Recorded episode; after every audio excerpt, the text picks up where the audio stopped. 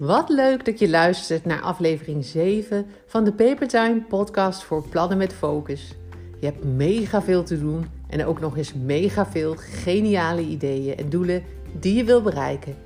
En dat past allemaal niet binnen de 24 uur van een dag. Nu gaan we aan de slag met een planning die ook echt haalbaar is. En wat ik daarmee bedoel? Dat je ook echt alles gedaan krijgt wat op je planning staat, zodat jij je dag niet alleen met een goed plan begint, maar dat plan ook kunt uitvoeren en je echt tevreden bent aan het einde van je werkdag. Deze aflevering gaan we aan de slag met jouw weekplanning.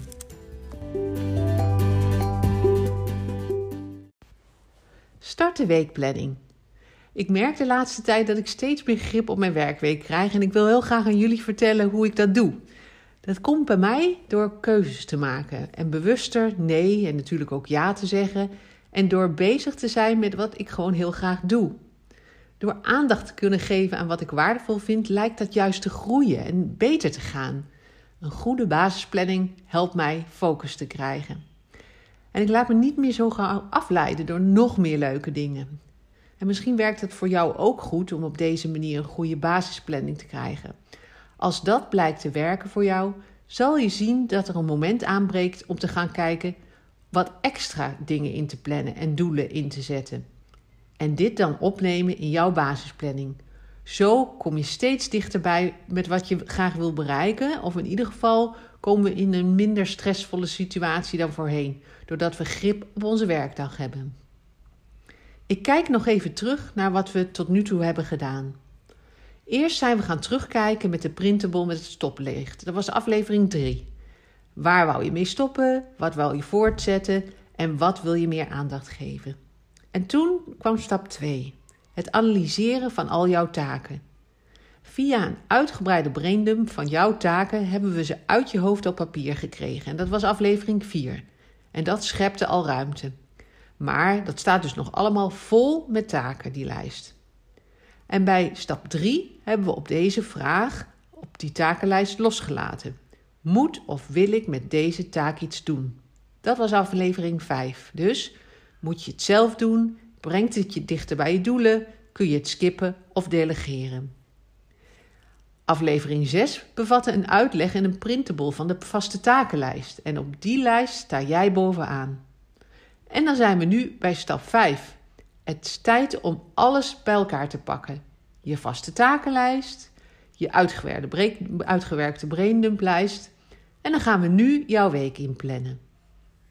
De weekplanning. En het is heel fijn om vast moment in de week te blokken waarin jij je weekplanning helemaal gaat voorbereiden en vaststellen. Zorg dat je dit op een hele fijne, inspirerende plek doet. Je lekker zit en echt jouw momentje ervan maakt. Neem dit planmoment ook op in je vaste planning. Dus plan jouw planmomenten. Ook de dagelijkse planmomenten moeten op jouw vaste takenlijst staan, zodat iedere keer als je met je planning bezig gaat, dit moment ook weer ingedeeld wordt. Als uitgangspunt voor jouw planning neem ik even de werkplannerindeling van Papertime als voorbeeld en zet de weekindeling als printable online, eh, want jij hebt misschien de werkplanner niet. Dus je kunt hem in ieder geval downloaden, ook als je de werkplanner niet hebt. Je hoeft natuurlijk geen werkplanner te hebben, want bij een gewone agenda heb je bij iedere week wel ruimte nodig voor de actielijstnotities. Zit die ruimte niet in de agenda, dan kun je hier misschien een apart schriftje voor nemen en de indeling van het notitiegedeelte van de printable overschrijven. De werkplanner hebben is natuurlijk helemaal ideaal, maar dat snap je wel. Um, en dan stap 1. We gaan nu voor de eerste week, de eerste keer de week inplannen. Een goed moment is de zondagavond of de maandagmorgen, maar misschien past een ander moment beter bij jou. Natuurlijk heb je al afspraken in je mobiel of Outlook staan, dus daar ga je eerst naar kijken. Zet deze als eerste in je papieren planning. Is het allemaal wel relevant? Moeten ze echt doorgaan? En vergeet ook niet je voorbereidings- en uitwerktijd op te nemen in je planning en misschien je reistijd. En dan zijn we bij stap 2. Je pakt daarna je vaste takenlijst erbij. Als je naar aflevering 6 hebt geluisterd, weet je dat deze lijst, op deze lijst met jou begint. Dus jij staat bovenaan. Jij staat centraal en dat zorgt voor focus. Laat op tijd op en je dagen zullen veel bewuster verlopen. Laat niet alles en iedereen voorgaan. Dat zorgt voor zoveel stress als je die toelaat in je planning. Dus eerst invullen wat voor jou belangrijk is. Vaste taken. Wat moet iedere dag, iedere week, iedere twee weken, iedere maand, ieder kwartaal komen daarna. Stap 3. De week is al aardig gevuld. Nu komen de projecten en de losse acties aan de beurt. Pak je uitgebreide, uitgewerkte braindump-lijst waar jouw projecten op staan. Pak die er maar bij. En dan per project heb je aangegeven welke acties er nodig zijn om een specifiek doel te bereiken. Begin met het noteren van drie focusprojecten voor de hele week. Dus drie projectnamen die voor deze week heel erg belangrijk zijn. Aan welke projecten moet jij deze week werken? Je kunt aan de kleuren achter de acties op je uitgewerkte brainlijst zien of het in deze weekplanning opgenomen moet worden of pas later. Hier vertelde ik meer over in aflevering 5. Mooi. Nu sta je, dit staat dus nu in je weekoverzicht. In de agendavakken heb je afspraken en momenten en acties die om jou draaien en nodig zijn om, voor jou om blij en energiek te zijn. Dan heb je daar drie hoofdfocuspunten voor de week staan met de belangrijkste projecten waar je in ieder geval aan wil werken.